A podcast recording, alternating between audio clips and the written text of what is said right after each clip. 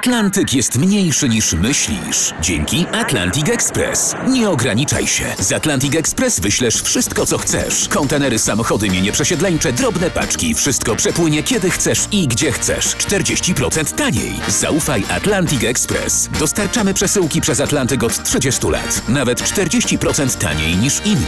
Dzwoń 1 800 775 73 63. Ekspresowo przez Atlantyk. Tylko z Atlantic Express. No dobrze, komu w drogę temu czas. Zgodnie z obietnicą pięć książek o kierunkach wakacyjnych, które planujemy w tym roku podjąć i zaczynamy od wypadu na nasze ukochane Bałkany, a konkretnie do Bośni.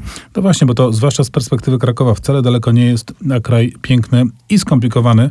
Nie będziemy tutaj mówić o y, urokach pejzażu, które są niekwestionowane, tylko raczej o historii.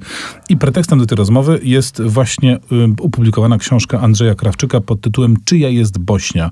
Krótka historia kraju trzech narodów. No właśnie, czyja? To jest pytanie, na które odpowiedź y, no, chyba jest ogólnie nieznana i jeszcze pewnie potrwa, zanim ją znajdziemy.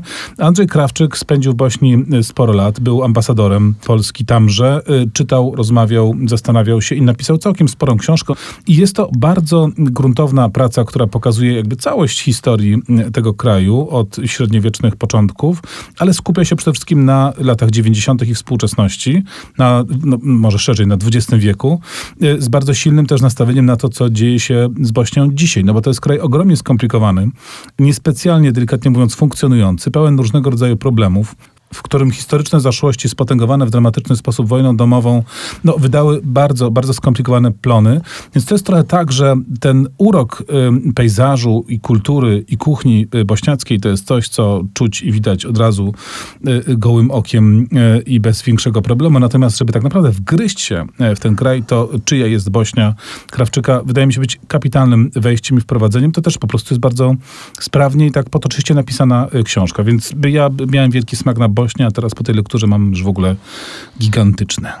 Z Bośni przenieśmy się do innego, lekko górzystego, urokliwego i też z niezłą kuchnią kraju, mianowicie na Kaszuby. I tu niestety jest problem z dostępnością książki, gdyż jej jeszcze nie ma, ale już za chwileczkę, już za momencik pojawi W się... sierpniu premiera, powiedzmy to od razu. No dobrze. Tomasz Słomczyński i książka pod tytułem Kaszebę. Bardzo lubię tego typu historie, bo to jest książka, która łączy w sobie esej historyczny z taką gawędą, gdyż Tomasz Słomczyński sam Kaszuby e, wzdłuż i wszerz przemierza. Pojawiają się tu najróżniejsze aspekty kaszubskiej historii i kaszubskiej codzienności. My myślimy o tym jako o monolitycznym e, regionie, subregionie Polski okazuje się, że tak wcale nie jest. Bardzo dziwne, skomplikowane, zagmatwane i różnorodne są losy Kaszubów. E, przedwojenne, wojenne, powojenne i dzisiejsze, bo o nich wszystkich opowiada Słomczyński.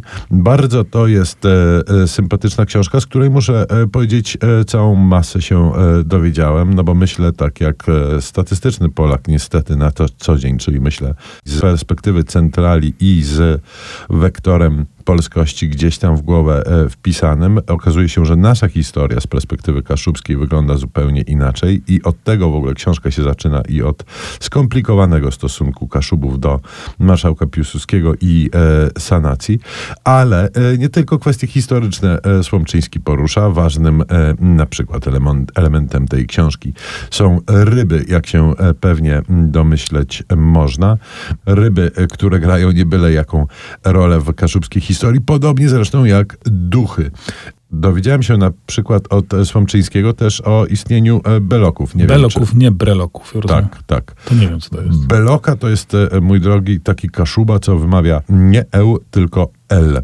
I wyglądają oni, zachowują się jak potomkowie kaprów i piratów, tak przynajmniej autor sugeruje. Czyli Bośnia na południu, Kaszuby na północy, a w kolejne strony będziemy y, już wybierać się po muzycznej przerwie. A muzyczna przerwa będzie bardzo też wakacyjna. Zaśpiewają Gypsy Kings, y, kompozycja Randy'ego Newmana You've Got a Friend in Me, czyli piosenka, którą Baz Astral śpiewał, ale kiedy był w trybie hiszpańskim.